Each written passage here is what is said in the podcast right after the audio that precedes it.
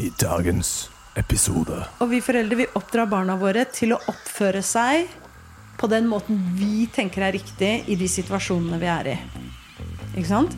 Sånn at jeg som forelder kan se ut som en god forelder.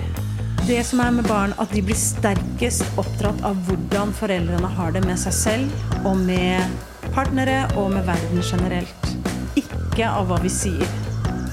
Så for eksempel, hvis eh, jeg sier til datteren min at eh, ja, men kjære deg, du må være god mot deg selv, du må være glad i deg selv.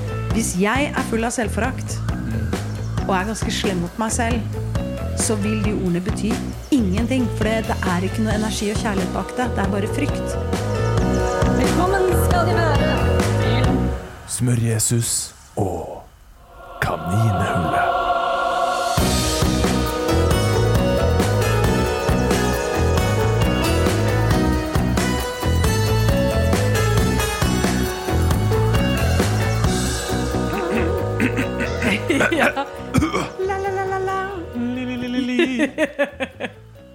Ok. Yes. Hallo, hallo, hallo, alle sammen. Mine kjære, vakre lyttere. Vi er tilbake i Smørjesus og Kaninhullet. Og vi skal ramle ned noen dype kaninhull i dag. Eh, gjesten jeg har vært så heldig å få med meg, er et, eh, et veldig spennende vesen som jeg har vært så heldig å bli kjent med den siste tiden. Og som har også veiledet meg gjennom noen veldig interessante prosesser som eh, vi skal snakke mye om. Marianne Mørk eh, Larsen, Hei. velkommen. Du, tusen takk for at jeg fikk lov til å komme. Ja, jeg gleder meg så sykt til å bare snakke om de temaene vi har snakket om, og dele den, mm.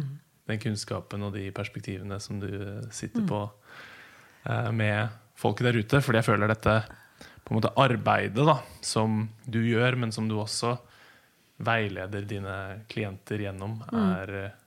kanskje noe av det viktigste arbeidet eh, når det kommer til ens egen ens egen helse, vil jeg jo egentlig si. Absolutt.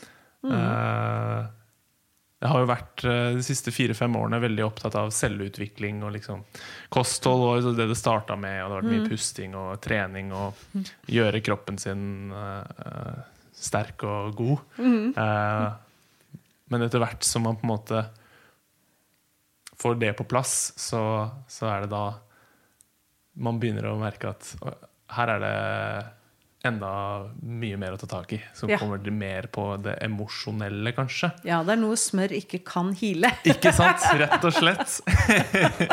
Smør kan ikke hile alt. Nesten, men var, ikke alt. Det var noe jeg var nødt til å erkjenne. Tok, ja, det var en liten drage å komme seg over. Men uh, du kan jo starte med å gi folk kanskje en liten introduksjon om hvem du er, og hva du jobber med. Og så har jeg lyst til gjerne å høre hvordan du, ja, hvordan du endte opp å jobbe, opp, jobbe med det du jobber med nå. Hva slags historie liksom ligger bak bak det. Ja.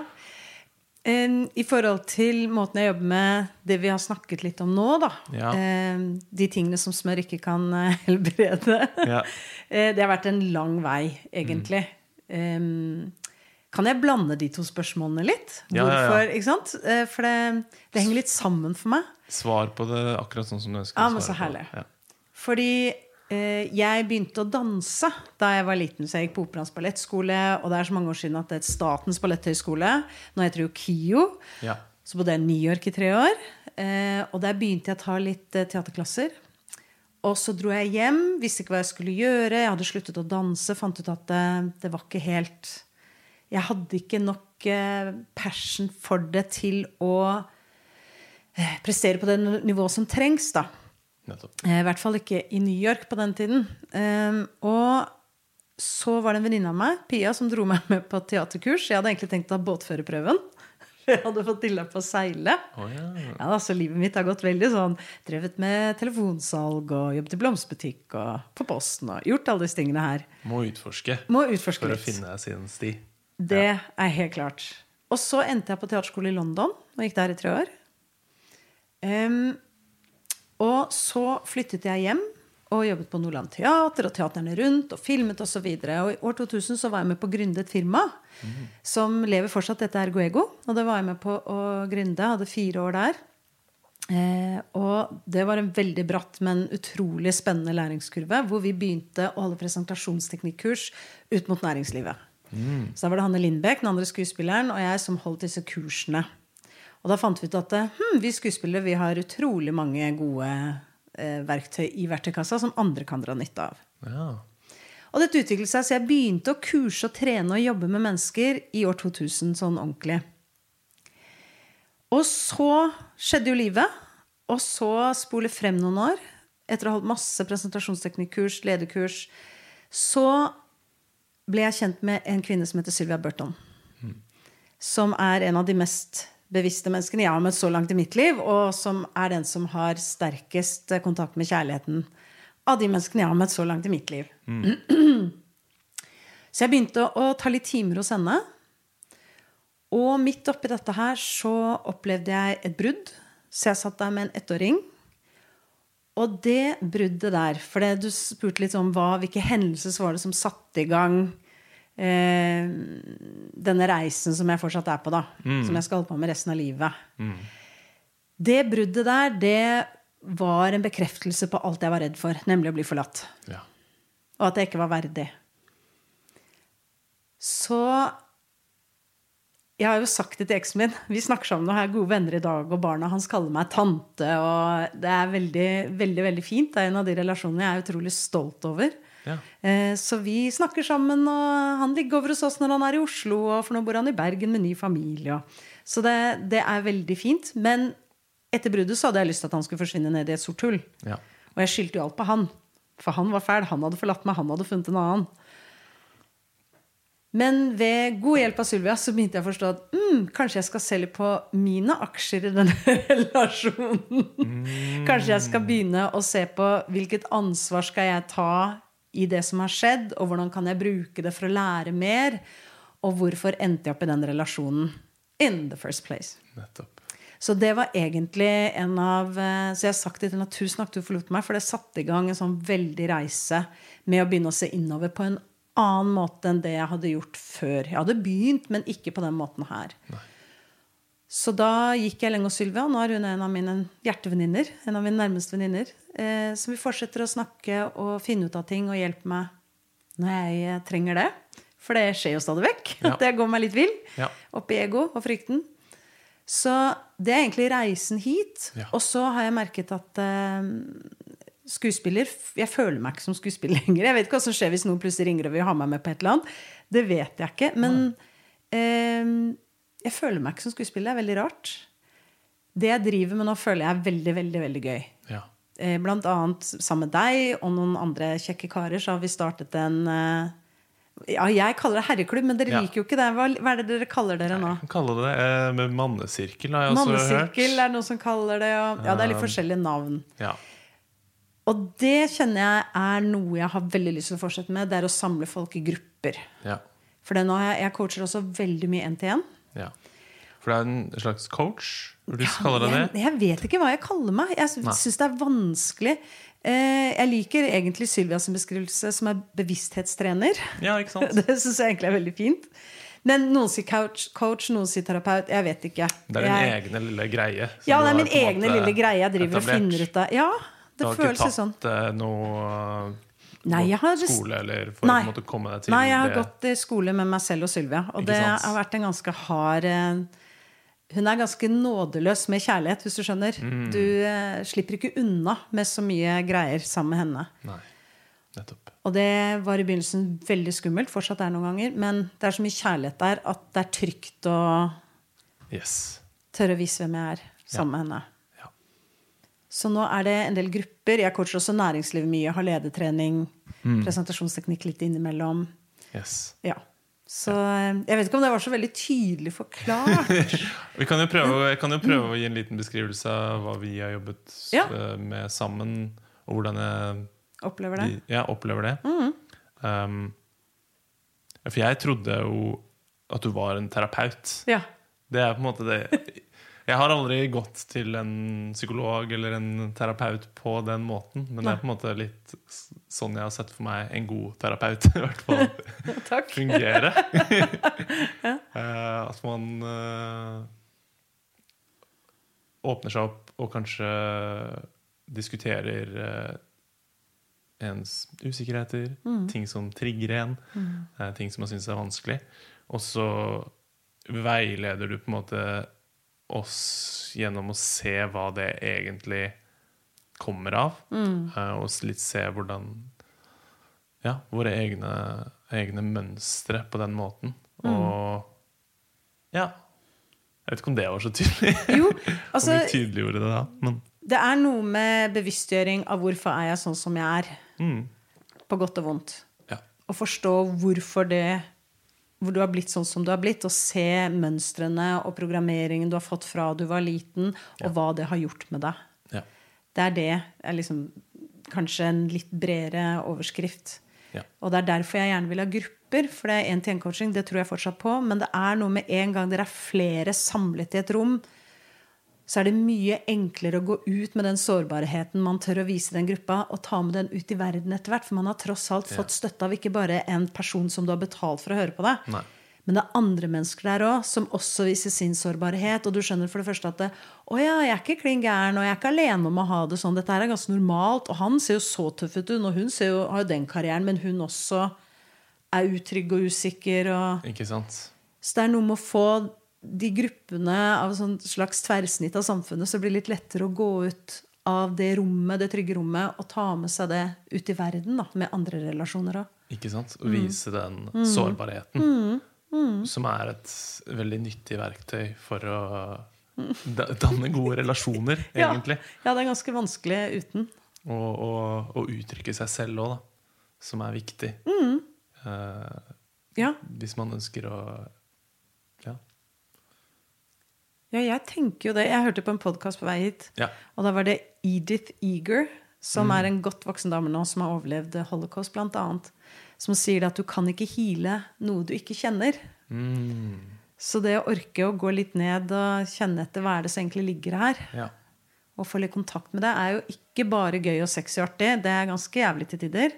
Det er ganske jævlig. Men det er eneste måten å få litt lys inni der og litt kjærlighet inni der. Ja. ja. Det er å løfte det opp. Yes. Mm. Og det er jo, ja, kanskje Det er mye av det vi har gjort også, Mm. på en måte. Ja. Traumer. Ja.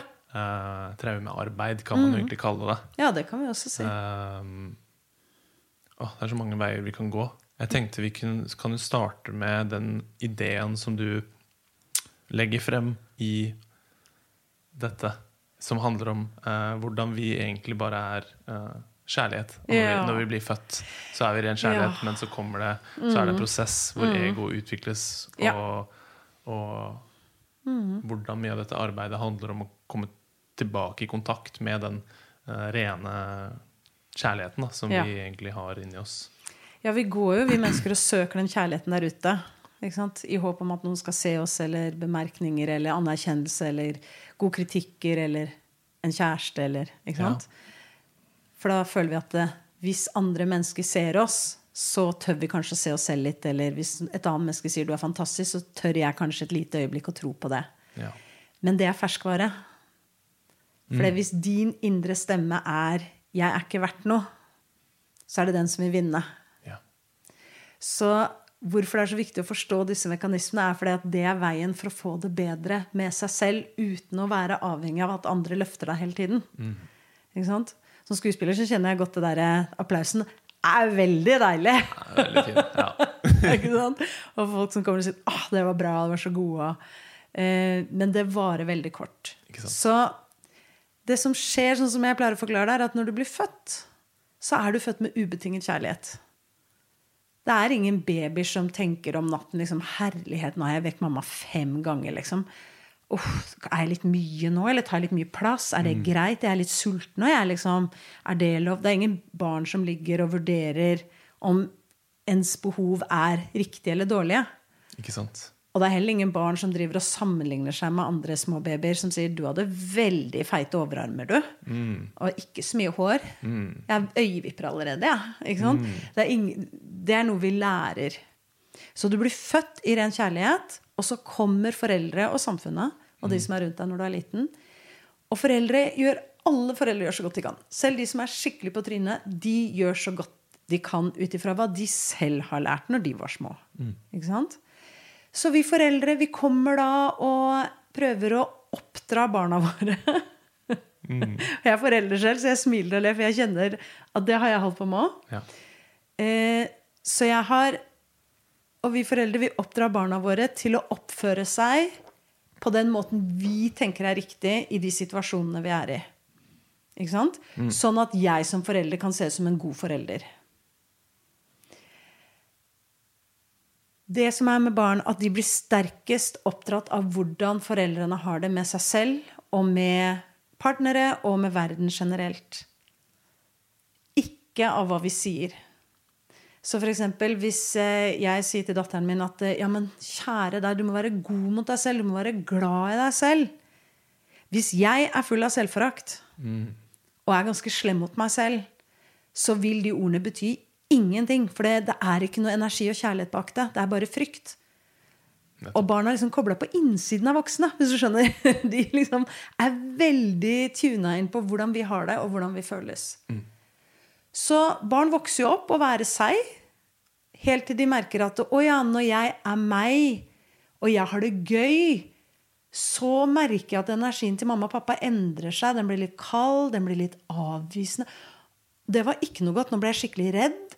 For hvis, hvis flokken min ikke er glad i meg, da kan jeg bli forlatt, og da dør jeg. Og det er veldig den frykten som sitter i veldig, veldig mange mennesker. At det, det er så vondt, den avvisningen. Fordi man tenker at hvis flokken min går fra meg, da dør jeg jo. ja. Det er et instinkt. Det er instinkt, sånn? Sosialt instinkt. som- Ja, biologi og kjemi. ikke sant? Ja. For dette vet kroppen. Vi er den mest sårbare arten på jorda, tror jeg. Det er ingen som trenger andre mennesker så, i så lang tid for å klare seg. Nettopp. Så det barn gjør da, det er at de kjenner Ok, når jeg er meg, og jeg har det gøy, eller når jeg er lei meg, eller når jeg er litt frustrert eller redd, det er feil. Ok, hvordan skal jeg være da? Og så prøver barn å tilpasse seg finne en måte å være seg selv på, sånn at de ikke blir forlatt av eh, flokken sin. Ja. Og det er jo også sånn, forskning viser nå at vi arver jo også traumene til foreldrene våre. Ja. Og det handler veldig mye om den energiovertagelsen også, tenker jeg, som, man, som barn er veldig subtile for. da, Og veldig sensitive for. Så hvis f.eks. pappaen din er ekstremt redd for å vise følelser fordi han opplevde det når han var liten, at han kanskje ble til og med klappa til eller utstøtt eller ledd av når han viste følelser, så vil han overføre det til sin sønn at du griner. Unnskyld, skal jeg banne, du griner faen meg ikke. Ikke sant? Og det som er for mange barn, det er at de lærer ikke at det du gjør nå, er kanskje ikke så lurt. De lærer at du er ikke så lur. Og det er veldig stor forskjell på hvordan man blir oppdratt. Om du lærer at eh, det er ikke noe feil med deg, men dette er kanskje ikke så lurt å gjøre. Ikke sant? Eller det er noe feil med deg. Ja. Og med en gang man lærer at det er noe feil med deg, du er feil, da kommer skammen. Da føler man veldig mye skam, for jeg er feil. Jeg har ikke gjort noe feil, jeg har ikke gjort noe dumt. Jeg er dum, jeg er feil. Og det er veldig, veldig stor forskjell. Ikke sant? Så det, det jeg, Nå ser dere meg ikke, men jeg har en knyttneve her oppe, og det er liksom mitt symbol på hjertet og kjærligheten deg som nyfødt. Og så den andre hånda lager jeg som en slags klo, som er da frykten, eller ego. For meg er det det samme. Ja. Og den frykten, den er, blir du oppdratt med. Det er stemmen som sier du er ikke bra nok, du er feil, du er dum. Ja, du kan godt prøve, men du har prøvd før, og det gikk ikke bra. Eller den kan også si at du er mye bedre enn alle andre, så drit i dem, bare kjør din eget løp, ikke bry deg om andre. Eh, ja. Det er den ideen du danner om deg selv og hvem du er Ja. i verden ja. i forhold til alle andre. Det er veldig godt sagt. Så det er stem, ideen. stemmen du, som går opp i hodet ditt, egentlig. Ja, Ja. det er det.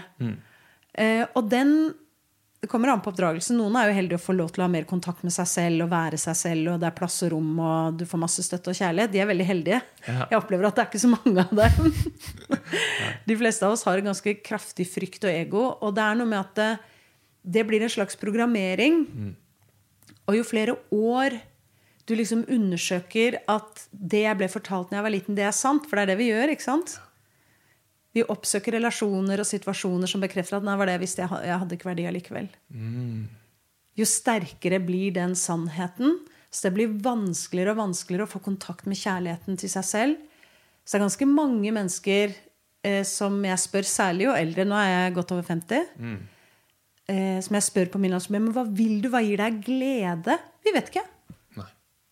Det er bare frykten. Som sier ja, jeg har egentlig lyst til å begynne å male, men det kan jeg ikke pga. penger eller tid, eller jeg er for gammel, eller ikke sant? Som er all den frykten.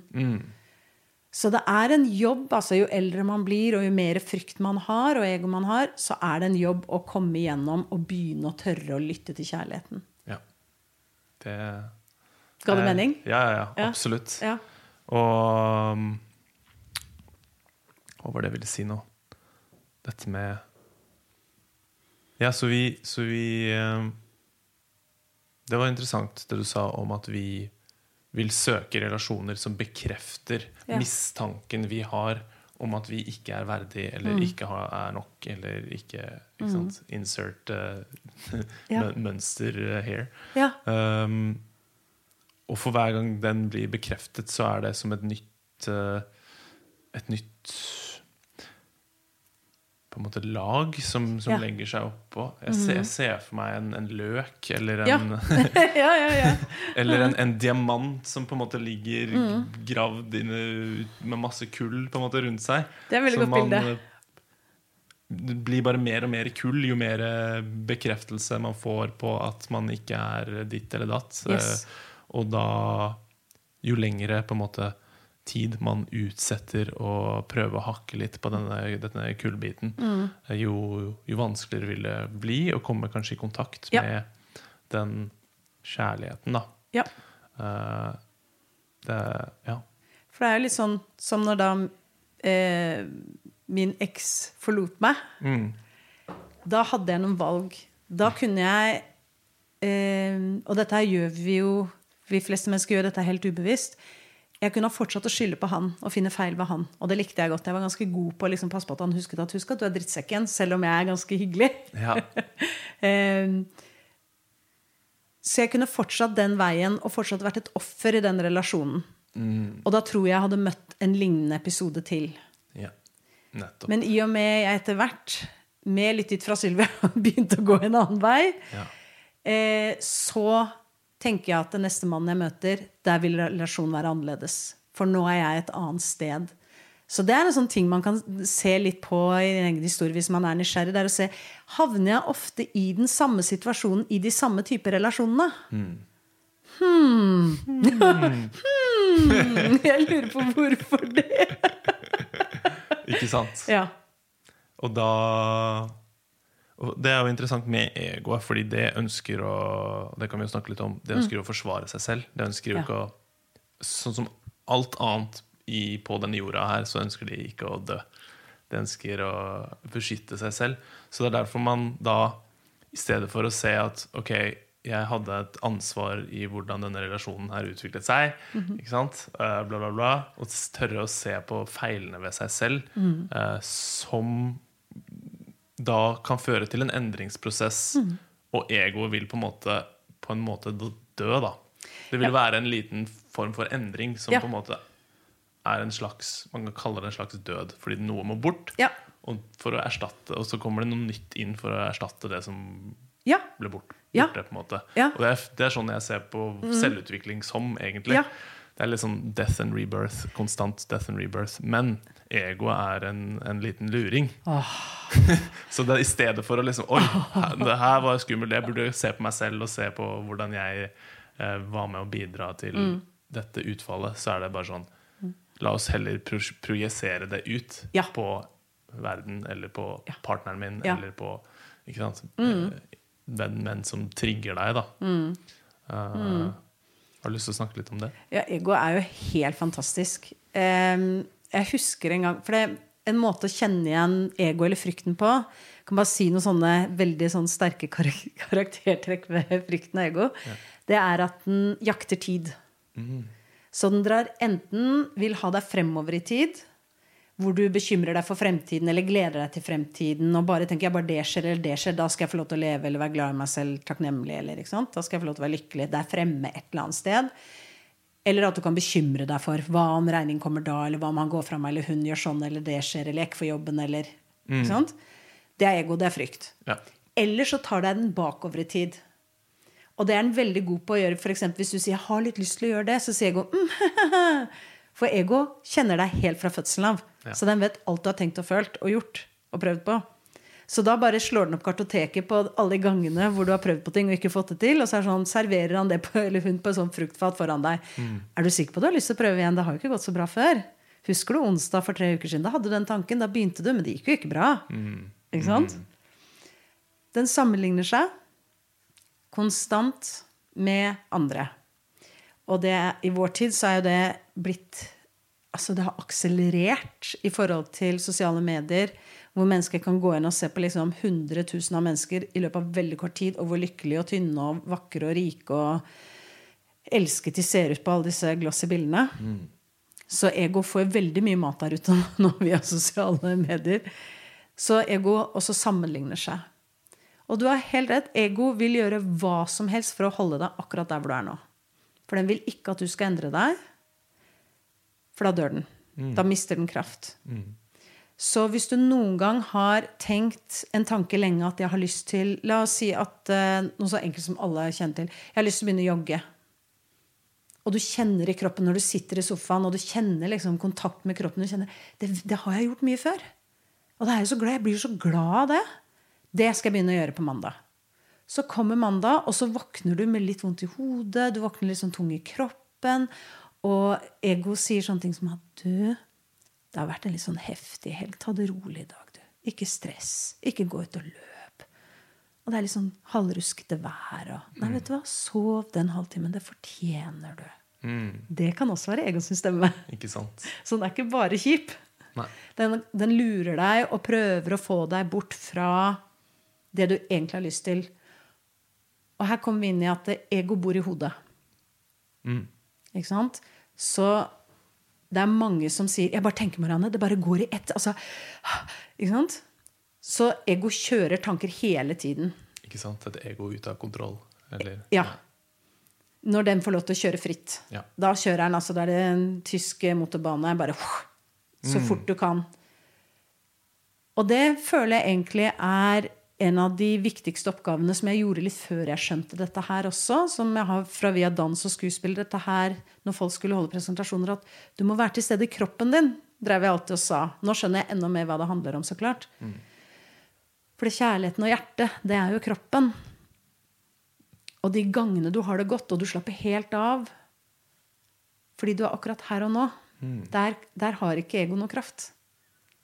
Når du er akkurat her og nå, du puster deg rolig, og du ikke vurderer deg selv, du driver ikke og dømmer deg selv, du driver ikke og vurderer å dømme noen andre, du tenker ikke på fremtiden, du bare er akkurat her og nå, så er det veldig ofte folk kjenner at det plutselig det her skjer. Så får du en sånn Kroppen liksom ber deg om å puste litt ordentlig. For det, plutselig så er du i kontakt med din egen kropp. Og det er jo en del av det vi har jobba med i eh, gruppa vår også, og de andre gruppene jeg jobber med, det er å få folk til kontakt med kroppen sin igjen. For der ligger kjærligheten. Og det er noe av det vakreste som fins, å se når folk får liksom tårespeil, for plutselig så kjenner de at de har kontakt med seg selv. Og hvor godt det egentlig er. Og folk er sånn 'Det var deilig.' Ja, det er godt å være deg, skjønner du. Ja. Når du er deg. Ikke sant? Um, så Og det er vanskelig for oss å endre det der uten Jeg hadde ikke klart uten hjelp. For det ego satt så hardt i meg. Det er sikkert forskjellig, det er jo forskjellig fra person til person. Men for min del så har jeg trengt mye hjelp til å forstå ego, hvordan det har lurt seg inn og laget mønstre som jeg nesten ikke tror Som jeg ikke, ikke kjenner engang. At jeg ikke har kontakt med i det hele tatt. Da. Men det er litt sånn lag for lag. Så det er sånn løken. Ja. Du begynner med noen av de store egotankene og mønstrene, som er lette å se. ja. For eksempel, vi har jo snakket litt om dette her også. Noe av det jeg opplever er det som skaper mest frykt og sår i oss mennesker, det er at vi ikke ble elsket sånn som vi fortjente å bli elsket når vi var små. Nettopp. Den er en gjenganger. Det er en gjenganger. Ja. Fordi vi har foreldre som heller ikke ble elsket. Som har besteforeldre som heller ikke ble elsket. Nettopp. Og når vi får beskjed om at du er ikke verdt å elske, for det er sånn barn ofte tolker det, eller blir avvist, det skaper mange sår og utfordringer i relasjoner og verden videre. Fordi vi tror at vi ikke fortjener det beste. Vi tror at vi ikke fortjener um, Og det Ja, kjærlighet. Og vi blir redd for kjærlighet. Når vi møter noen som faktisk viser oss kjærlighet, og det vekker den kjærligheten vi selv har gjemt bort, Ja. så kan vi bli kjemperedde. Det her vet jeg. Oh yes, Ja. det vet jeg òg. ja? Sånn Å, her var det godt å være. Nei takk, jeg vil ikke ha det. Mm. Ikke sant? Ikke sant? Og det i da For det er jo noe som eh, har ligget i, i meg, Mm. har jeg erkjent. Um, og da Som kan ha kommet av at man har hatt uh, Eller når man har uh, hatt kjærligheten, så har man mistet den fort igjen. Ja. Så det blir en forsvarsmekanisme hvor uh, når du opplever da denne kjærligheten, så blir egoet ditt kanskje Det ønsker å beskytte deg fra å Ja. Miste den. For det er på en måte mønsteret som har satt seg fast i, oppi hjernebarken din. så, så det liksom setter i gang frykt, da. ja. Sterke følelser av frykt. I hvert fall sånn jeg har uh, opplevd det som. Og det, er ganske, det kan vi også snakke litt om, så folk skjønner hvor fysisk det er. For det, Men jeg skal bare si det at eh, jo mer frykt man har vokst opp med, og foreldrene har hatt, og jo mindre eh, emosjonell tilstedeværelse det har vært av foreldrene, jo mer tror man på egos. Det er derfor vi blir redd for kjærligheten. Vi kjenner nesten ikke igjen den er så voldsom og kraftfull. Så det er lettere å tro på frykten at dette kommer til å gå til helvete, så jeg stikker nå, Ja. enn å faktisk tro på kjærligheten som er der. Yes. Så det er en av grunnene for det. Men som du sa eh, Jeg syns det er utrolig vakkert når folk får kontakt med kjærligheten i seg selv og seg selv. Det er, det er så fint å se hvor nesten, det høres rart ut, hvor satt ut de blir av å få kontakt med seg selv. Ja. Men jeg har også kjent på egenfrykt og eh, hjulpet andre leve ut sin frykt. Og den kan være så mørk og så vond og så kraftfull at jeg skjønner hvorfor folk har behov for å dytte den ned. ja. Ikke sant. Og, hvor, og det, jeg, jeg tenker at vi er ikke skapt for å leve dette livet alene. Vi skal ha andre mennesker. Er, vi er liksom ikke kobla for å være alene. Vi er flokkdyr. Så finn din flokk, og finn noen som klarer å romme deg når du lever ut din frykt. Og det, jeg mener voksne mennesker hulker som en toåring som er helt uh, forstyrret og dødsredd. dødsredd. Det, er, uh, det er ganske kraftfulle følelser som kommer ut. Yes. Og det Ja, for det er jo også noe med som var Noe du sa som Som jeg har tenkt på i ettertid, som er veldig interessant. At mange av disse triggerne, da eh, Vi kan jo snakke litt om på en måte hva det er, og hvordan de viser seg.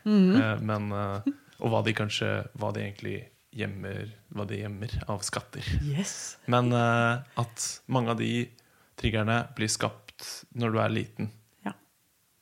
Så når du da opplever det, så er det som om du, du blir den lille fireåringen som ble Ja. eh, nedstemt, eller ikke, sant, ikke fikk lov til å være med, Ja. eller eh, hva enn det måtte være. Og den, den kjenner jeg så godt. Ofte, på en måte. Og der er det jo igjen, da.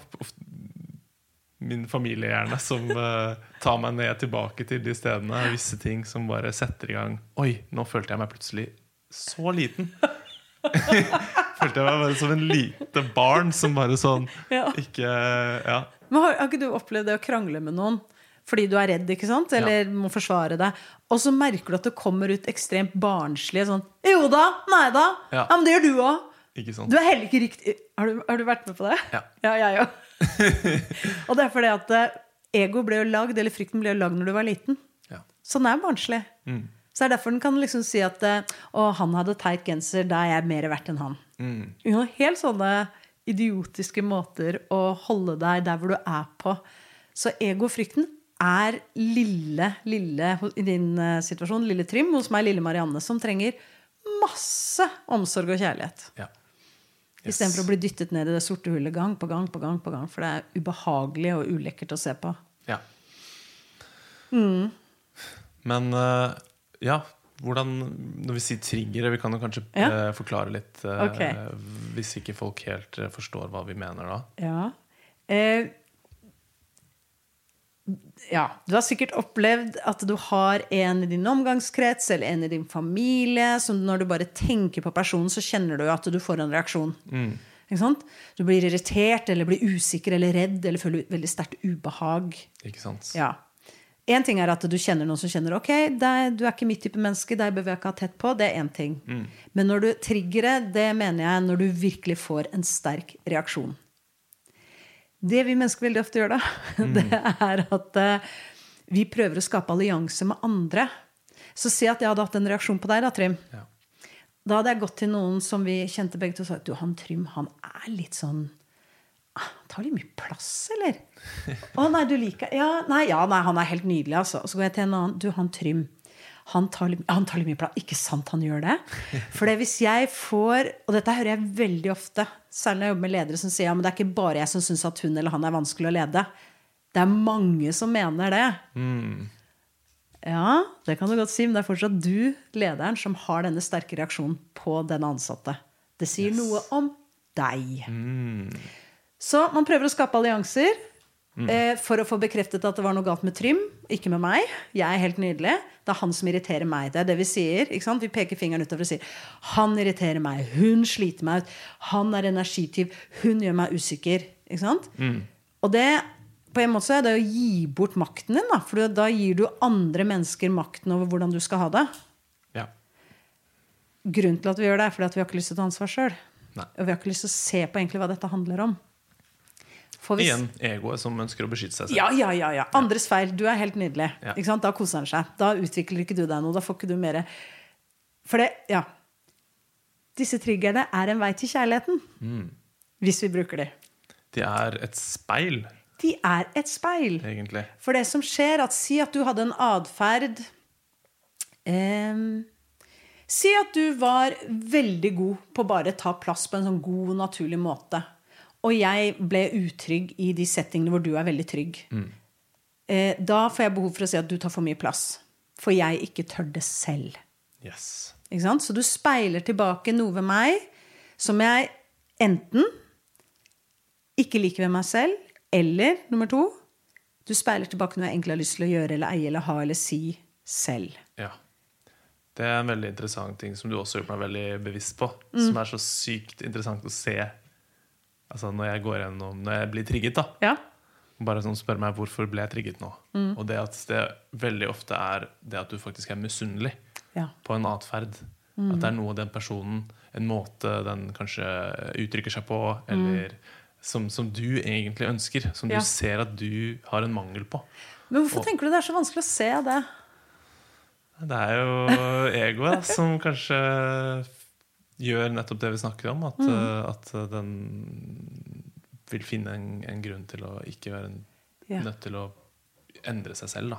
Som er jo det som Hvis Mm. du forstår at oi, det her er jo ikke egentlig noe med Meg, at den Nei. personen er eh, ikke sant, tar mye plass Mm. eller er fæl på en eller annen måte. Det er faktisk jeg Mm. egentlig bare har lyst til å være litt sånn som denne personen. Ja.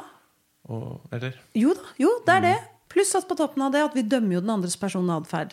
Ja. Fordi Ja. denne triggeren La oss si at jeg har en trigger på deg, for du tar mye plass. Du gjør det på en veldig fin måte, men jeg syns det er for mye. Jeg syns det er voldsomt. ja. Det er jo ikke sånn at jeg sitter og vurderer skal jeg reagere på trim nå eller ikke. Det er ryggmargsrefleks. Nettopp fordi, som du sa tidligere, denne reaksjonen ble laget når jeg var liten. For hva om jeg var litt sånn som deg når jeg var liten? Jeg tok mye plass, jeg lo- høyt, jeg snakket høyt, og så ble jeg hysjet på og dempet og dempet og dempet. ja. Så hver gang du er der og ler høyt, så blir det sånn Jeg fikk ikke lov til det. Det er noe gærent med. Du skal heller ikke. Det er feil. Jeg har lært at det er feil. Hvorfor gjør du det? Hvorfor liker de andre at du gjør det der? Du er feil. Slutt med det der. Wow. Og det å få den selvinnsikten og se at du speiler tilbake noe ved meg som jeg egentlig har lyst til å gjøre selv. Kanskje ikke på akkurat samme måten som deg, men det er noe av essensen av det å ta plass og være fri som jeg har lyst til å komme tilbake til. Så med en gang man får det svaret, så kan man jo begynne å forske. Ok, når sluttet jeg egentlig med det? Og hvordan har jeg lyst til å være fri? Og hvordan kan jeg begynne å finne setting hvor jeg kan begynne å øve meg litt på å være litt vill og gæren Ja. uten å ta noe dop eller drikke meg dritings? Ja. Skal jeg gå på et improkurs? Skal jeg lære meg å klatre? Skal jeg begynne å ma- fingermale? Skal jeg gjøre noe hvor jeg kommer litt sånn ut av min sånn Komfortsone. og bli litt tullete og rar, jeg òg. Mm. På min måte. For jeg skal ikke gjøre det som din måte, Trym. Jeg skal gjøre det på Marianne-måten. Mm. Ikke sant? Så det er den ene. Den andre er at du speiler tilbake noe. Si at du hadde tatt plass på en ikke ok måte, da, at du ble litt voldsom fordi du var litt utrygg. Ja. Og det gjør jeg òg. Mm. Da liker jeg heller ikke, for da minner du meg på hvordan jeg er, og som jeg ikke liker at jeg er, Mm. i visse settinger. ja. Ikke? Så da er det veldig friskt for meg du, Slapp av. Må du, kan, bare vær trygg på deg sjøl, Trym. Slapp av. Ikke ta så mye plass. Det ordner seg. Du bør ikke stresse så mye. Du er bra nok, vet du. ja. Så alle mennesker som trigger deg, det er mat. Og som Sylvia sier, at all ego er vei til kjærligheten. For med en gang du forstår hvordan du har blitt programmert, og hvordan mønstrene dine fungerer, så er det en måte å endre dem og gi frykten mindre plass, og kjærligheten til deg selv og aksept for deg selv mer plass. Yes. Ikke sant? Ja, det er en, en måte å forløse disse mønstrene som kanskje spenner litt bein på deg, da. Veldig til tider. Eh, Veldig til tider. Absolutt. Ja, de kommer selvfølgelig i større og mindre, mindre grad. Mm. og noen er skikkelig mørke, og som du sier. Noen skikkelig skumle drager som Ja. eh, puster mye ild. Ja. Og som bare er veldig skumle å se på. Um, ja. Og, men, men er da en trigger en, en, Sånn som jeg ser på det, en veldig sånn, det er en sterk følelse som, som tar over deg. Og ofte så, så er det sånn at du nesten At du etterpå Ikke sant? Det der var ikke meg, på en måte. Det Ja, ja. der var Wow, hva er det som skjedde der? Nå er det, noe, det, er, det er som en ånd, nesten, på en måte. Ja, det, ja, føles litt sånn. Ja. tar over kroppen din og bare Nå Ja. er jeg her, ikke sant? Ja. Um, Ja, det er veldig godt sagt. Det er nesten som en ånd som tar over kroppen din. Og det er jo sånn folk sier at jeg hater han eller hater henne. ja. Eh, og det sier da litt om hvor sterk den frykten i det mennesket er. Ja. Når det er så sterkt at det ender opp med å hate det andre mennesket. Mm. At det ikke er noe kjærlighet til seg selv i det hele tatt. Så man har ikke noe å gi og se det andre mennesket heller. Og det er det jeg tenker er en stor utfordring i dagens samfunn. Det er mye frykt der ute. ja. Og vi har begynt å bli så redde for hverandre. Um, og igjen hvorfor jeg starta grupper, så vi kan begynne å bli trygge og tørre å vise hvem vi er der ute også. For det er det verden trenger nå. Folk som tør å være seg sjøl. ja. tør å ha kjærlighet nok til seg selv, sånn at man kan se og være litt nysgjerrig på andre mennesker og ikke dømme hverandre så utrolig raskt. Nettopp. Ikke sant? Det å, ja Det å heller stoppe opp og se hvorfor dømmer jeg den personen nå? Ja, ja, ja. ja. Og hva er det det egentlig sier om meg? ja. Uh, det er, det er du, som du også har sagt, at du har liksom to valg. ja. Og det er jo på en måte enten å, å handle ut fra ego og frykt, eller handle ut fra, fra kjærligheten. Eh, det er litt sånn som jeg også ser på det Dette med å enten ta ansvar for sitt liv og, og alt som eh, Hvordan den ut, ut, eh, folder seg, på en måte. Det er ditt ansvar. Det er du, du som har dratt deg hit du er i dag. Eh, eller du kan velge å på en måte forbanne virkeligheten for, Ja. For at den har puttet deg i den situasjonen du er i nå. ja. Uh, som igjen er frykt, ikke sant? Mm. Og som igjen er Nå dømmer vi heller de andre der ute. Nå Ja. speiler jeg heller uh, Nå pro- projiserer jeg heller mine frykter ut på verden og menneskene. Ja. Enn å se at dette her er noe i meg som gjør at jeg får disse fryktfølelsene, og jeg får disse Mm. ja, dømmingene. Um, Og ja, at det er liksom de to veiene man kan ta. ja. Og den ene er veien til videre frykt, fordi du vil bare fortsette å Ego får aldri nok. Nettopp. Ikke sant? Hvis man sier man har startet en business fra ego og frykt Mm. ikke sant? Jeg skal ha. Blir aldri fornøyd. Nei. Ego blir aldri fornøyd. Skal ha mer, mer, mer, mer, mer penger, mer, større bil, flere koner, flere hus. Ikke sant? Ego blir aldri mett. Mm. Aldri fornøyd. Nei. Og jakter hele tiden noe der fremme. Mens når man er i kjærligheten, så kjenner man egentlig at hm, Trenger egentlig ikke så mye. Nei, ikke sant? For det er, jeg føler, som du sa i starten, det er den følelsen jeg tror vi alle egentlig søker. Ja. Men vi har kanskje blitt fortalt at eh, Eller vi har et samfunn som kanskje har havnet litt for mye oppi sitt eget hode og litt for mye inn i ego. Ekstremt, vil jeg si. da Et sånt Ikke bare utømmelig sult. Bare sånn, vi må tjene mer, og vi må ha mer, og vi må bla, Og du bla, blir bla, bla. målt. Altså, jeg husker datteren min kom hjem i første klasse, mener jeg. Og de fikk leselus. Mm. Hvilket nivå de lå på. Så allerede der Ja. Og da var det jo fortsatt eh, Når man er så liten, så er man fortsatt Hvis man ikke har hatt en helt grusom eh, oppvekst, så er man fortsatt ganske i kontakt med hjertet sitt når man er så liten. Så jeg som forelder var det sånn What? Og så spurte jeg Kajsa snakker dere om eh, leselus. Nei, nei, nei. Nei, nei. Nei, det, nei, det gjorde de ikke. Men etter hvert så begynte de å få mer målinger, og så kommer karakterer. Så tenk deg hvor tidlig vi begynner å bli målt. Prestasjon, liksom Ikke sant? Og sammenligna med hverandre. Og, hele tiden. Så takk gudene for de lærerne som gjør en del sånne ting som setter pris på det emosjonelle òg. ja. Ikke sant? Hva betyr det å være en god venn? Hvordan kan vi støtte hverandre? Og liksom lære barna dette emosjonelle språket. Nettopp.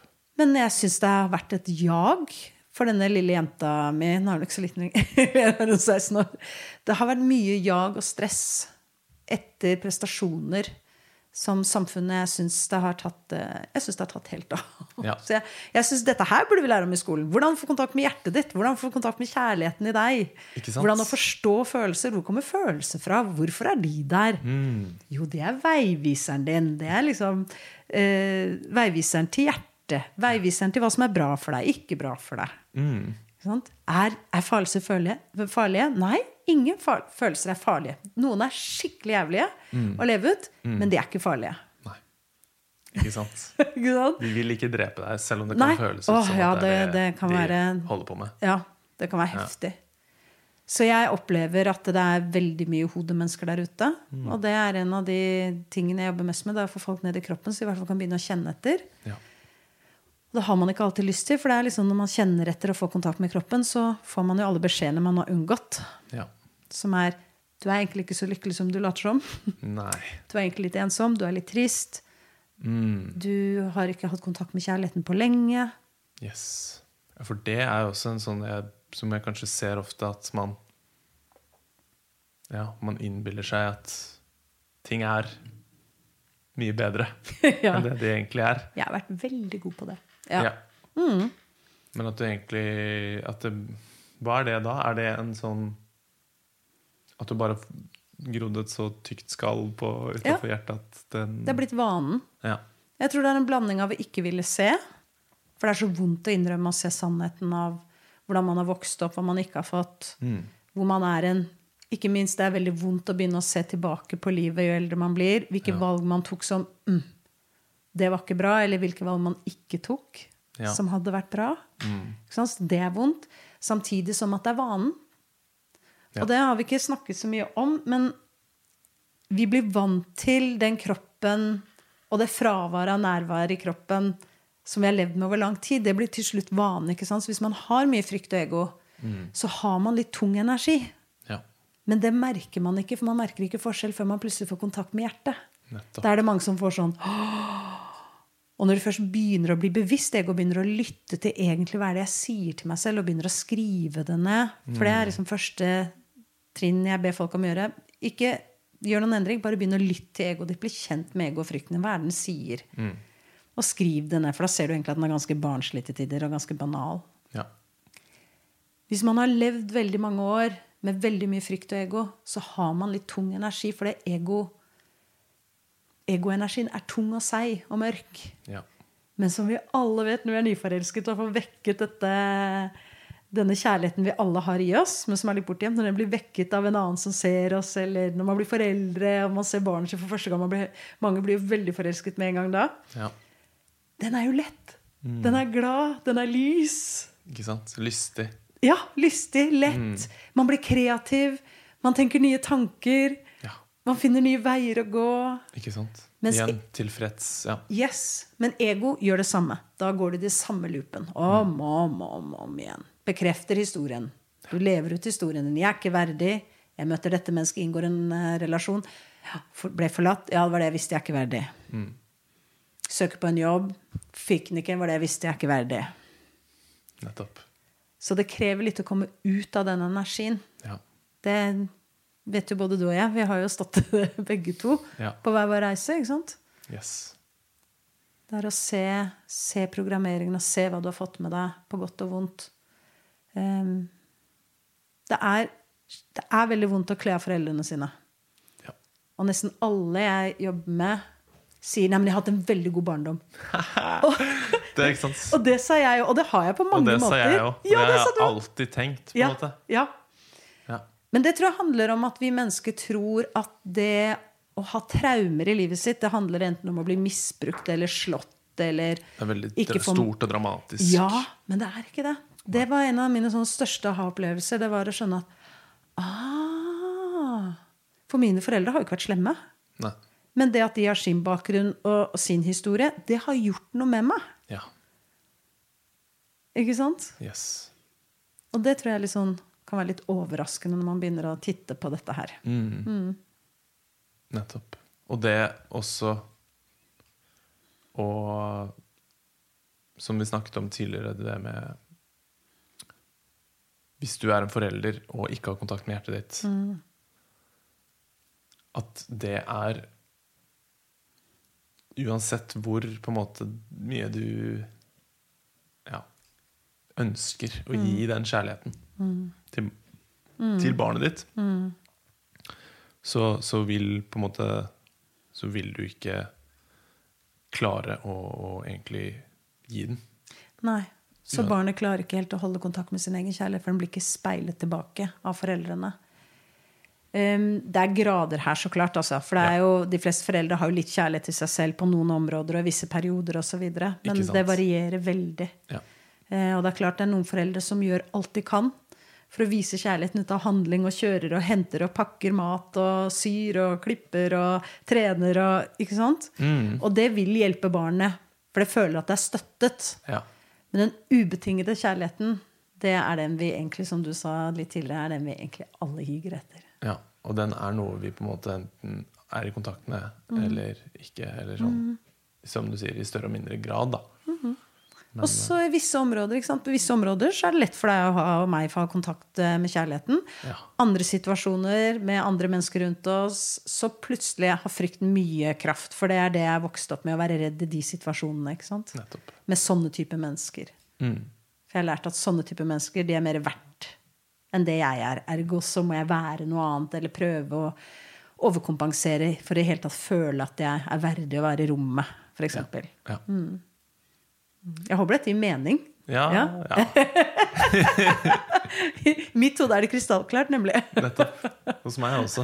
ja, så bra. Um, du, vi har jo i noen uker nå Jeg har vært med i manneklubben, Mannesirkelen.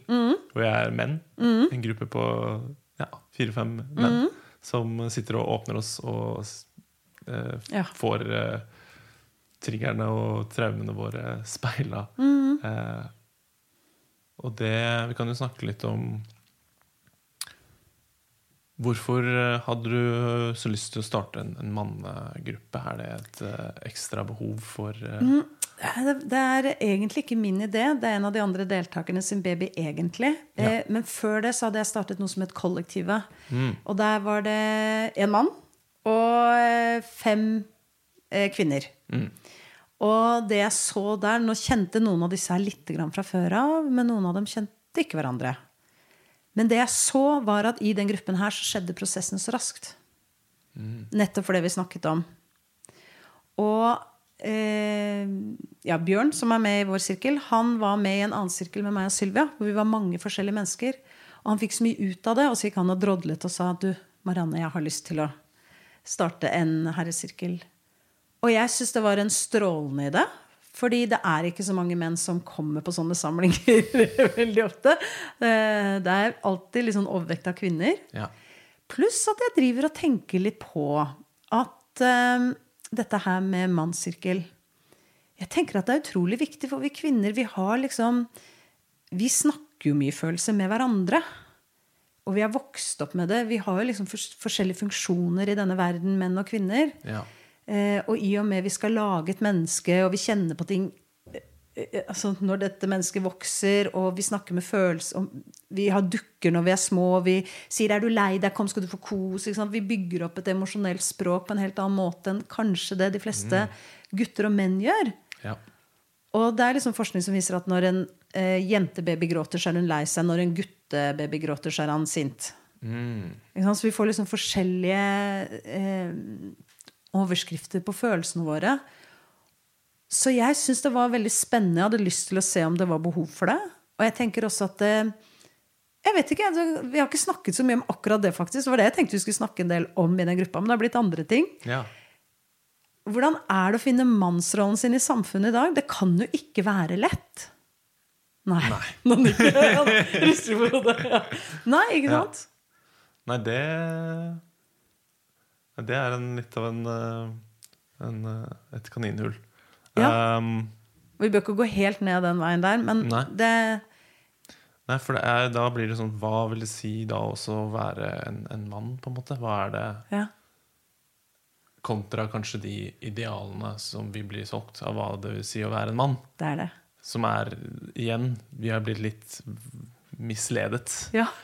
hva det vil si å kanskje skulle være en mann. Da. Og, Mm.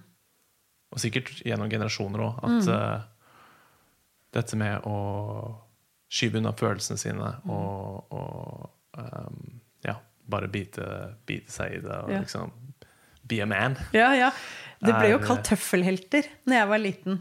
Ikke Når jeg var yngre, så husker jeg menn som var litt myke og eh, hadde liksom strikkejakker og var litt gode. Og lune. de ble kalt tøffelhelter. Mm.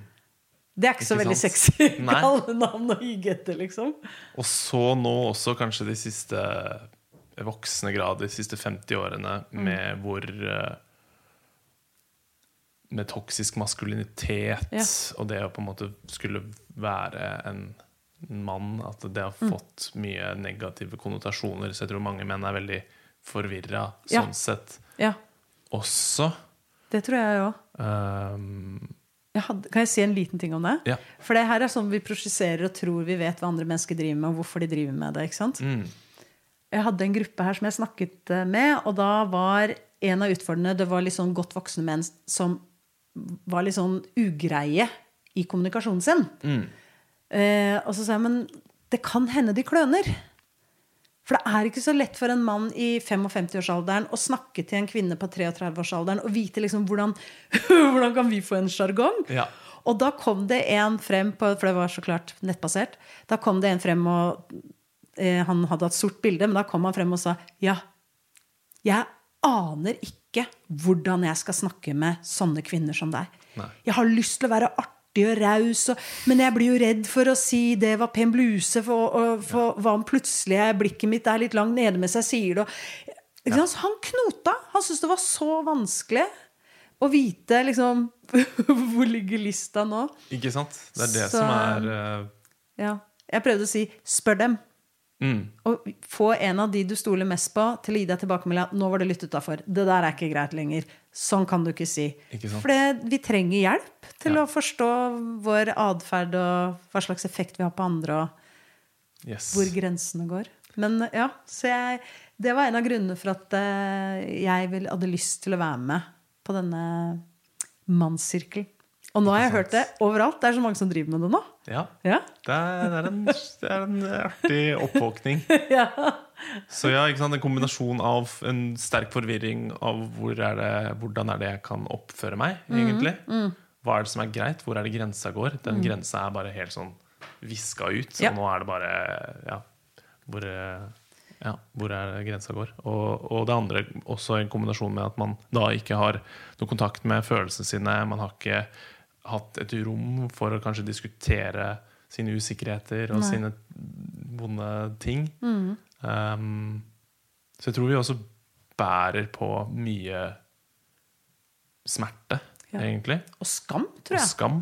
For når dere føler på disse følelsene, så har dere lært at det, ikke alle nå, Vi maler med veldig bred pensel, det er viktig å si her. Men uh, mange menn føler jo på skam hver gang de føler en følelse Ja. som de har lært er et tegn på svakhet eller feighet eller feil. Nettopp. Så Nei, det, og det har vært eh, så sykt givende å jobbe med det. Og, jobbe jobbe med sin egen sårbarhet. Og tørre å se på sine egne feil og alt det der. Mm. et, et veldig nyttig verktøy. Og jeg ser på det som altså Hvis man snakker om hva maskulinitet er, da, eh, så er jo, vil jo en av de tingene jeg vil si passer i den båten, er jo modighet. Ikke sant? Være mot. Og det er, for meg er det ingenting Og jeg snakker jo også mye om, om det på bloggen min. Ikke? Ja. Dette med å tørre å gå ut i det ukjente og det Ja. mørke og det skumle, fordi det er der eh, skattene befinner seg. Ikke sant? Yes. Uh, det, er- ingen, ingenting modigere Nei. enn å snu uh, speil, altså se i det speilet da, og bare dykke ned i sin egne underbevissthet og Ja. oppdage sine Mm. mørke sider og, Ja. og skygger som mm. man har eh, dratt på seg på Mm. veien. Um, så, så jeg føler det er noe veldig maskulint egentlig med å komme i kontakt med seg selv da, Ja. på, den, på den måten. Det er litt sånn jeg liker å se på det når jeg jobber med det òg. Sånn, Å, shit, nå er, det en, nå er det noe svært monster her som jeg er nødt til å liksom eh, eh, jobbe med. Men jeg vet at på andre siden av det så vil det være skatter å, å hente. da Og skatten er jo kjærligheten. Kontakt med seg selv og kjærligheten. Ikke sant? Ikke sant? Ja. At det er det. Det er en sånn Jeg har vært, følt jeg er veldig på søken Ja. i denne helsereisen. Eh, men eh, at dette, dette arbeidet her er noe som jeg kjenner er veldig Ja. Roet meg mer ned. Jeg har fått en sterkere tilfredshet med meg selv og på en måte uh, Ja, blitt mer tilfreds, da, med ting. Um, så ja, det ligger, det ligger mye skatter å hente her, da. Og det er her, det er her jeg føler den søkenen vi alle Det er her det ender opp, på en måte. Hvis man virkelig går den stien, da. Ja. Og, og, og folk må finne sin vei, tenker jeg, til hjertet Mm. og til kjærligheten og til denne tilstanden hvor man føler at det, å, det er godt å være meg. Eh, Og nå er det ikke så mye som stresser meg lenger. Jeg føler meg tryggere, mer tilfreds. Ja. Har mer god energi. Sover bedre. Tar bedre valg for meg selv. Mm. Ja. Veien dit kan jo være så mange. Det Måten jeg jobber på, er jo bare én av de. Ja. Um, så jeg tenker ehm, ikke gi opp. Bare fortsett. Jeg skal fortsette til jeg dør. Det her er det som er viktigst for meg. Ikke sant? Eh, og på et eller annet tidspunkt så satte jeg meg ned og skrev en kontrakt med meg selv. Og jeg skrev ok. Skrev jeg datoen, jeg husker ikke datoen, og året. Jeg skrev at fra i dag av så tar jeg 100% ansvar for Marianne Mørk Larsen. Mm. Da er det slutt på å skylde på omverden, verden, venninner, familie. Det er mitt. Nå er det mitt. Dette er mitt. Jepp. Um, og uansett hvem som har programmert deg på den måten de har programmert deg på, så har de ikke gjort det for å være slemme og kjipe. Det er ubevisst. Ja. Veldig mye av dette her. Så jo mer man kan tilgi seg selv for at man har tatt imot denne programmeringen, at man har gjort disse dumme valgene fordi man ikke visste bedre det kjenner Jeg veldig, jeg har en tenåringsdatter hjemme nå. Jeg kjenner jeg driver med det nesten daglig som Marianne. Du har gjort mange feil. Du visste ikke bedre. Du gjorde så godt du kunne. og det tenker jeg er sånn mantra jeg har. um, for at jeg skal klare å tilgi meg selv, sånn at jeg har mer kjærlighet å gi til henne også. Og støtte henne. Men på et eller annet tidspunkt så er det dessverre sånn at vi foreldre, selv om vi har gjort feil og overført traumer, så er det ikke sånn Jeg syns det er litt dårlig opplegg, men det er ikke sånn at vi foreldre kan gå inn og ta ut det vonde vi har plassert inni barna våre. Nei. Vi kan bare stå der og støtte de best mulig i at de finner ut av dette selv. Yes. Men jeg har sagt mye unnskyld. Ja, sånn og sånn, mamma. Ja, jeg vet det. Jeg er så lei meg. Jeg visste ikke bedre. Ja. ja, for det, det snakket vi om rett før vi starta Ja. Jeg nevnte den forrige podkasten jeg hadde med Kristine Westøl, hvor vi snakket om amming og jevnalderorientering. Yes. Kan du raskt ta en oppsummering av hva det konseptet handler om? Eh, Det er et, eh, en teori som er lagt frem av Gabor Mate og en annen psykolog som jeg ikke kommer på nå. eh, hvor de ser på, på en måte et fenomen Et ganske nytt fenomen. Det med ungdomsopprørskhet. Mm.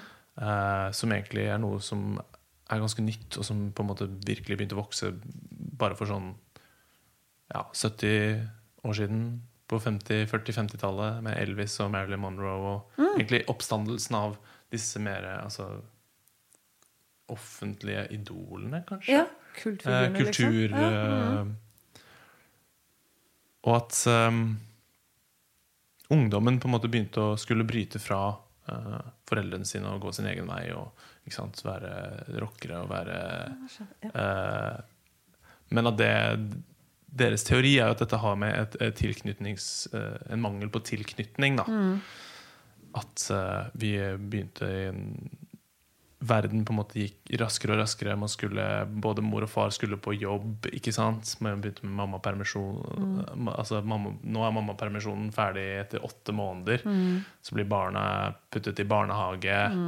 Og så etter barnehagen så er det skole, og så er det fritidsaktiviteter på kveldene. Og det er lite rom igjen da, for den derre eh, kjernetiden med deg og barnet ditt. Uh, og tilknytning er noe du hele tiden er nødt til å jobbe med. Eh, vi snakker om den kjærligheten òg. Mm. Det at barnet kjenner at den, den har den kjærligheten fra mor og far. Det er noe, Da trenger man kvalitetstid, og man trenger ikke sant? gjerne å amme i lengre tid enn det mange gjør nå. også, ikke sant? Amming er en veldig viktig, spiller en viktig rolle i det å danne en tilknytning til sitt barn. Nå er det jo mange som slutter med det veldig tidlig. Og, ja. Så deres teori er at grunnen til at vi ser så mye opprør i ungdom, er rett og slett at eh, de har en mangel på tilknytning. Og at man da, i stedet for å se til foreldrene sine som eh, de som på en måte skal vise deg Altså gi det et moralske kompass. Mm. Liksom lære deg hvordan er det du skal oppføre deg i verden for å passe inn. Og for å være en, en, en god eh, borger, på en måte. Å være en del av, av samfunnet. Så, så ser man heller til sine jevnaldrende. Eh, det var det fine eksempelet med at du, barnet blir putta i barnehagen. Der har du kanskje fire voksne. Uh, en av dem lager mat, en av dem er på do med en, og en av dem trøster den andre kiden som begynte å grine i hjørnet. Og da har ikke det barnet egentlig noen voksne å skulle speile. For det er jo det de, de ser etter. Hvem er det jeg skal etterligne? Eh, og når de ikke finner det, så ser de da til de som er til stede, som er de andre barna rundt seg. Da. Ikke sant? Og at uh, Sånn typisk eksempel på jevnalderorientering er sånn gjengkultur, for Ja. Ikke sant? At man begynner å bry seg mindre om hva foreldrene egentlig bry- eh, tenker om en, og ser heller det mye viktigere for hva er det vennene mine syns om meg. Og nå i den kulturen her også, hvor vi har Instagram, ikke sant? og vi kan bare vi har en evig tilgang på jevnaldrende som eh, skal så drives veldig forvirra, da, rent sånn moralsk. Hvem er det vi skal Ja. Og også dette med at det skaper mye sånn sammenligning og ja. Det trigger frykten veldig. Særlig for at en del av de jevnaldrende på Instagram er kanskje rike og berømte. Ja, ja Ikke sant? nettopp. Men vi snakket om Du delte noen av dine egne Med datteren min. erfaringer med datteren Ja. din. Ja. Ja, det, jeg, jeg tenker jo Jeg har tenkt mye på det, dette her med tenåringsoppgjøret. For det hadde man jo før eh, Instagram fantes også. Det er jo en del av det biologiske og kjemiske. For at barn skal klare å stå alene, så må du skyve foreldrene unna, for de skal begynne å ta ansvar selv. Men den prosessen tenker jeg kan bli ekstra forkludra og mer dramatisk når vi foreldre ikke klarer å ta imot hva barna speiler tilbake til oss. For det er det jeg føler nå at nå har, liksom, nå har datteren min blitt 16 år, så en del av den programmeringen som kommer fra meg, den trigger så klart meg. Mm. For det minner meg om sider ved meg selv som jeg ikke har vært så glad i, og som jeg nå kanskje føler at jeg er litt ferdig med. Som hun minner meg på at dette var det du ga meg da jeg var liten. Du prøvde å dempe meg, du syntes jeg var for mye. Eh, som nå hun begynner å leve ut. Og det trigger meg. Mm. Og da får jeg lyst til å dempe henne igjen. ja. Og få henne til å oppføre seg. Være takknemlig for alt jeg har gitt og gjort for henne. Ja. Så jeg trener på å si 'jeg vet det, unnskyld'. Ja. Jeg visste ikke bedre. Nå er det opp til deg å velge hva du vil gjøre med det. Mm. Om du vil fortsette å skylde på meg, sånn at du kan leve ut dette her, eller om du har lyst til å tørre å prøve noe annet. Nå er det din jobb. Og det, det gikk opp for meg at det er ikke noe slemt i det, for det er sånn det er lagt opp. Det er sånn det fungerer. Vi har alle, vi får alle en sånn pakke når vi er små. Vær så god. Nå er det opp til deg å finne ut hvordan du skal leve dette livet. Mm? Her har du noen Ja. traumer. Her har du noen traumer, som de fleste andre på denne jorda. Noen mer og styggere og verre enn andre. Ja. Men vær så god, ut i livet, finn ut av det. Ja. Forhåpentligvis så treffer du noen mennesker som kan hjelpe deg på veien. Ikke sant? Jeg ser også at det er problematisk for meg at jeg er nok ikke den som skal hjelpe henne. Nei. For det er litt vondt å få hjelp av den som faktisk har gitt deg denne programmeringen. Mm. Ikke sant? Det er litt- og, og det med sånn Jeg tenker med familie òg. Er de, de triggerne som ligger der, Ja. er sterke. Ja, Så det er er veldig dype. lett å ikke sant? Skulle, Nå skal jeg skal jeg endelig klare å liksom holde meg rolig og oppføre meg. Og, ikke sant? Men eh, så er det en trigger som fyres av, og så mister man litt kontrollen. Og så Mm. Yes. Oi, faen, det var akkurat det jeg ikke skulle gjøre. Ja. Og så sitter man der. Så ja. ja, da må man gå tilbake og se hva var grunnen, hva var svaret på at jeg har denne triggeren. Jo, det handlet om dette og dette i forhold til når jeg var liten. Ok, det var det det handlet om. Greit. Så man må bruke de svarene man får når man forstår triggerne, hvor det kommer fra. Så neste gang man er i den situasjonen og man kjenner at man begynner å reagere, så må man gå tilbake til svaret og si å ja, nå reagerer jeg sånn fordi det minner meg om dette. Ok. Ok, Så kan man gi seg selv litt sånn Nå stryker jeg meg selv litt sånn godt. Ja, det er greit, Marianne. Ja. Det, det går bra. Den eh, Ja. Det er en fin eh, ting å minne seg på Mm. når man eh, opplever disse triggerne. Mm. Bare at ok, det er, det lille, lille Trym nå som er litt uh, lei seg og trenger litt ekstra kjærlighet. Ja. Mm. Så setter han på fanget og gir han en klem. Ja. holder rundt og sier det er greit. Jeg skjønner så godt den følelsen her. Den er helt naturlig å ha. Det var helt riktig følelse å ha i det øyeblikket når det skjedde. Mm. Det er ikke noe galt med deg at du føler dette. Det er helt riktig. Nettopp. Nå som voksen er det kanskje litt rart, men ja. Men det, ja. jeg skal bare tillate det. Og så tror jeg det er lett, eh, og det prøver jeg å passe på, det er lett å ta alt dette her, bli veldig alvorlig. Ja. Ta seg selv og livet fryktelig på alvor. Jeg tror man skal tulle og tøyse litt mer. Altså, jeg tror man skal liksom eh, fleipe, leke, være dum. Er du i nærheten av barn, legg deg på gulvet, blås såpebobler, eh, spill på slurva, Ja. kle deg ut. Altså, vi må slappe av litt mer. Og det har liksom Det er en mantra jeg har hatt med meg. Marianne, slapp av. slapp av. Nettopp. For vi går og er litt sånn anspente og stressa hele tiden. Mm. Mm. Du Ja. Det du sa der også, bare for å ta Mm. wrap opp det med når du som forelder Ja. ser de mønstrene du har på en måte gitt dattera di, da. Mm. Som du nå da Du var nevnte at du ikke var like bevisst på den tiden. Mm. Nei. Så nå har du blitt mye mer bevisst. Og det å se da på en måte den Ja. Og det tror jeg er veldig sikkert veldig vanlig. ja. Men igjen da at du har to valg. Mm. Dette med å ta ansvar for det og si unnskyld, kanskje. Ja. Å, Det gjør jeg jo, for det er ikke det det- at mange andre ma- Det er lett å ty til den andre reaksjonen, som er å da ikke ta ansvar for det.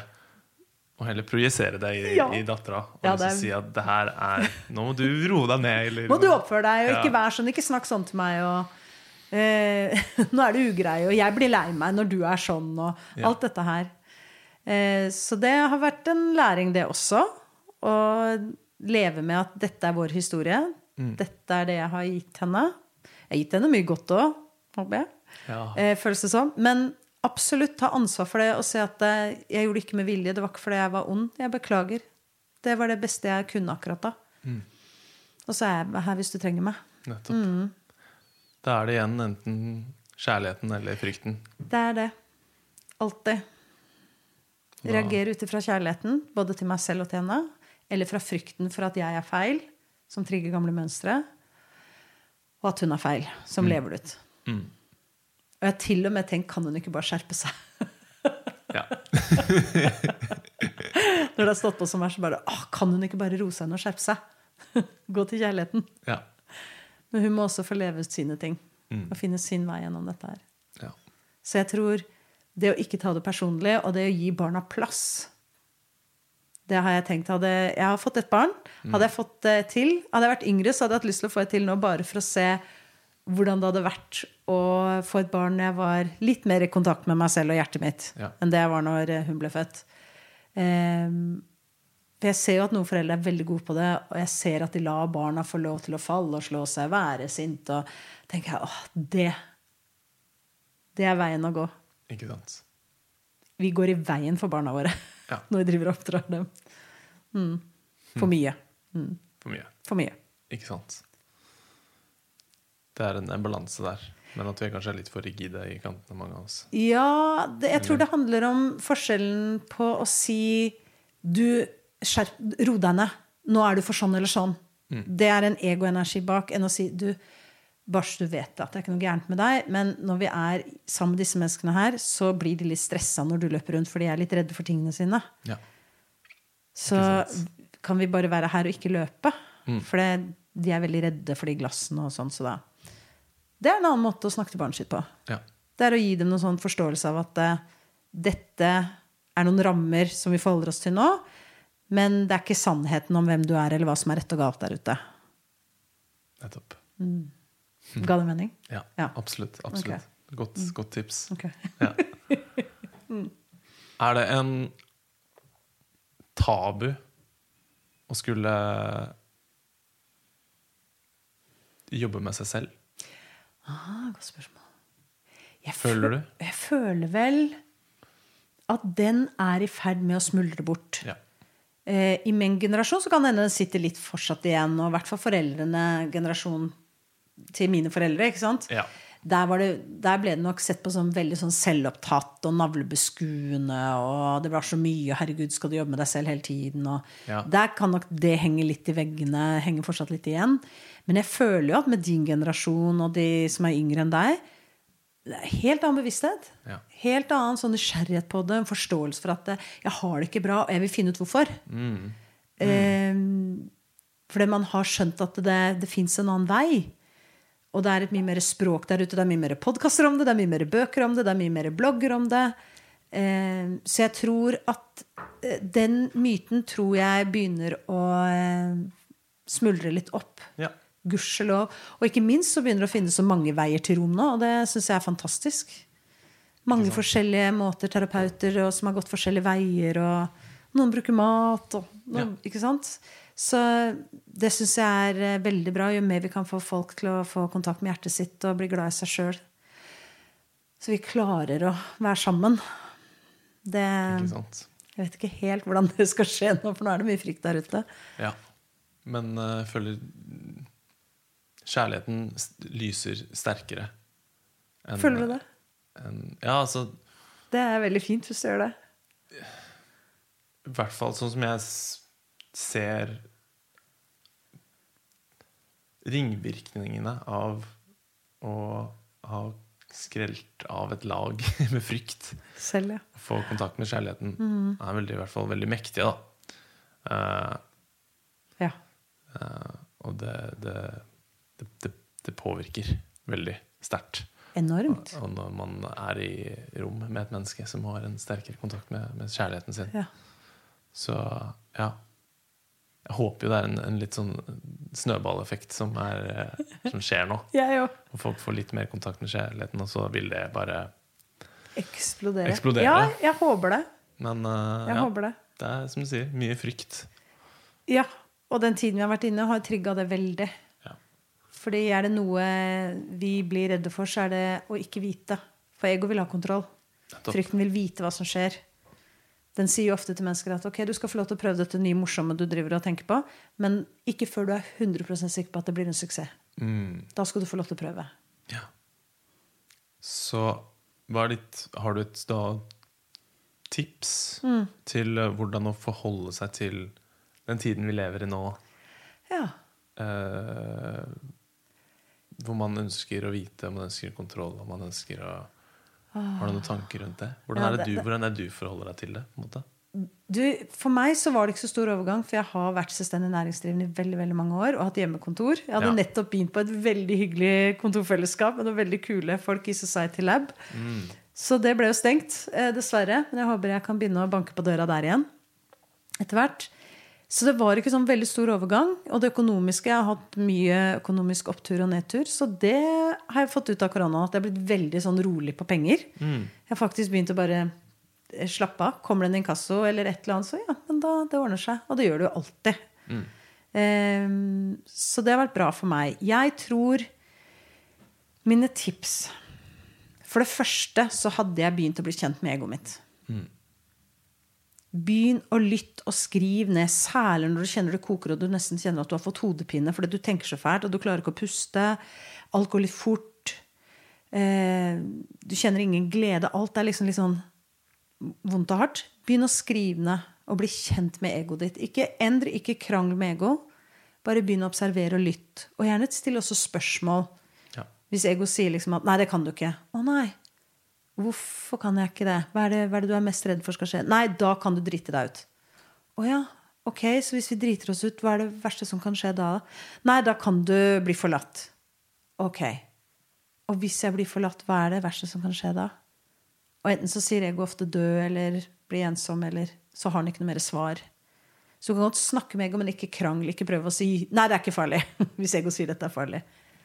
Så det er nummer én. Bli kjent med ego og frykten din. Og på hvilken som helst måte prøv å få kontakt med kroppen din. Om du gjør meditasjon eller yoga eller går ut i skogen og sitter og puster. Naturen er jo helt fantastisk. Det har redda meg mye. Jeg bor rett ved skogen, så jeg går mye tur i skogen.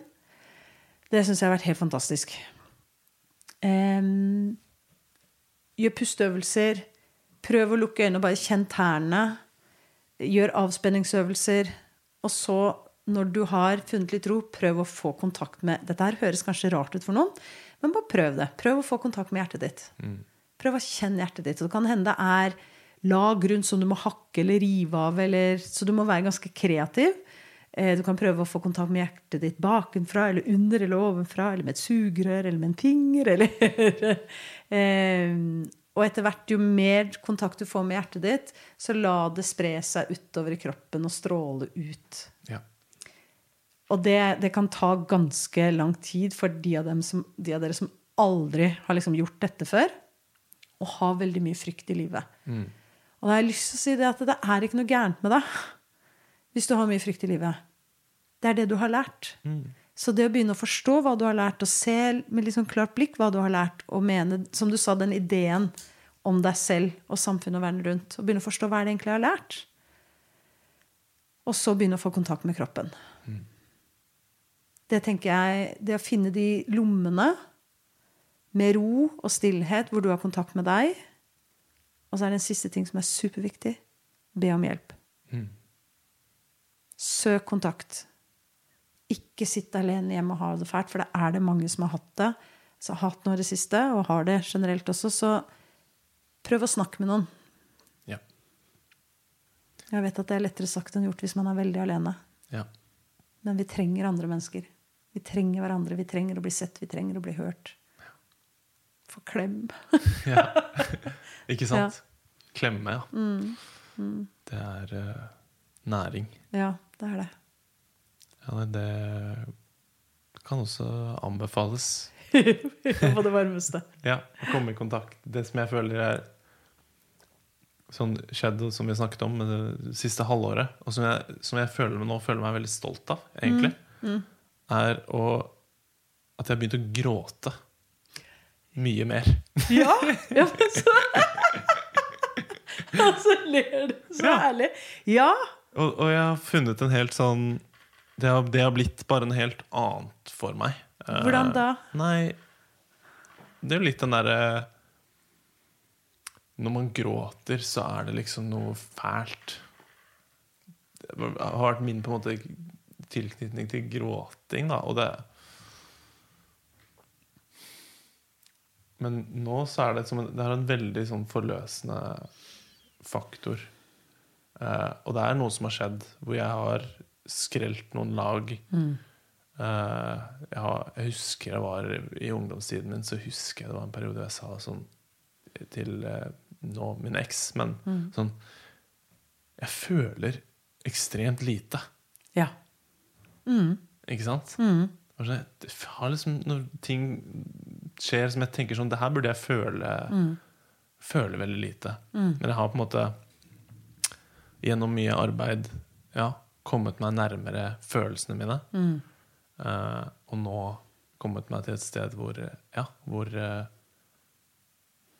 uh, Hvis jeg blir trigget av noe, eh, og jeg, blir lei meg, eller, eller den sorgen treffer meg, så ja, har kroppen lært seg hvordan den skal måte forløse denne følelsen. Da. For det er jo litt sånn jeg føler at fæle opplevelser eller traumer eller um, kjipe følelser At de ønsker å bli følt, og, og, og på en måte Men en tendens er jo å trykke dem bort. Ja. Trykke dem ned. eh, til det punkt at kroppen din ikke klarer å egentlig slippe det. Og, og, det er jo Jeg ser på det nå som en veldig sånn Og det virker som det er flere At det begynner å komme mer forskning på Mm. det også. At følelser og, og traumer og sånne ting er noe som faktisk setter seg I kroppen. nesten sånn biologisk Ja. på kroppen din. Ja. I nervesystemet ditt Mhm, og, og sånne ting. Mm. Uh, så den ideen om at når man har uh, forløst noe, om det er en traume Mm. At man Å, nå føler jeg meg ti kilo lettere. Ikke sant? Yes. At det nesten er en, en reell Mm. greie. Mm. Det ble en liten rant fra meg, men i hvert fall eh, Jeg jeg, eh, Det er nesten som en sånn call to action til eh, mennene der ute òg. At det er lov å gråte, liksom. Jeg tror vi sitter Ja. på mye grums og, som vi ikke tillater oss selv å, å føle på. Og, og det å bare forstå at uh, Ja, det er ikke Det å være mann går forbi det å på en måte bare bite i følelsene sine. Ja. Eh, jeg føler det, det, det ekte, liksom, Mm. det maskuline, er en som faktisk tør å sitte i følelsene sine. Fordi det er ganske ubehagelig til tider. Og, Ja, og, ja. det må jeg si, det er sexy for meg òg. En mann som tør det. Og jeg syns det er så artig, for følelser heter følelser. Mm. De er der for at de skal føles. Ja. De skal leves ut. Og jeg tror som du sier at vi er et samfunn hvor vi er blitt redd for følelser. Vi skal bare være lykkelige og, og suksessfulle og se bra ut og ha karrierer og ha suksess, hva enn av det er. Ja. Um, men, så det er ikke lov å føle. Men det du driver med nå, begynner å gi deg selv plass til å føle følelsene dine. Og gi dem plass, og sitte med dem, og gi dem omsorg. Og ikke eh, kjefte på dem, ikke være kjip mot dem. For da kjefter du og er streng mot lille Trym igjen. Ja. Som ikke fikk lov til å leve det ut da han var liten. Men nå får han plass. ja. Og det gir plass til mer kjærlighet til deg. Yes. Det gir mer plass til deg. Mm. Og det er jo som hun, eh, som jeg sa, Edith Eager sa i begynnelsen, du kan ikke heale noe du ikke kjenner. Nei. Så hvis du hele tiden dytter ned traumene dine Det er jo interessant at depressed, Mm. å være depressed, det er å presse ned. Ikke sant?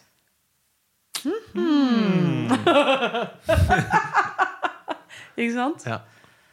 Så det skal ut. Men jeg skjønner veldig godt at det kan være skummelt, særlig hvis man er alene. Eh, og jeg vet at alle sier 'søk hjelp', 'søk hjelp', og så vet ikke helt folk hvor de skal hen. Eh, så jeg håper kanskje det er en venn eller en lærer eller en eh, kollega eller noen du merker snakker litt dette språket, som du kanskje kan spørre du, kan vi ta en kaffe. Yes. ikke sant? Nettopp. Begynne å samle din gjeng. Din sirkel. Mm.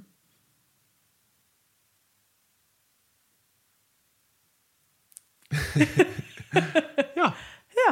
Jeg syns det var et veldig fint sted å, å runde av. Jeg. ja, det kom veldig naturlig. Det ble Ja, helt stille. Ja. Ja. Hvis det ikke er noe flere Åh, jeg kunne ha snakket om dette her i dagevis, timevis. Ja. Det her, men jeg er så takknemlig for at jeg fikk lov til å komme hit og snakke om det. Ja, Um, så tusen takk for det. bare hyggelig. Jeg gleder meg til å slippe det her ut i verden. Håper det gir mening. Ja. Ok, folkens. Yes. Takk for nå. Smør-Jesus signing off.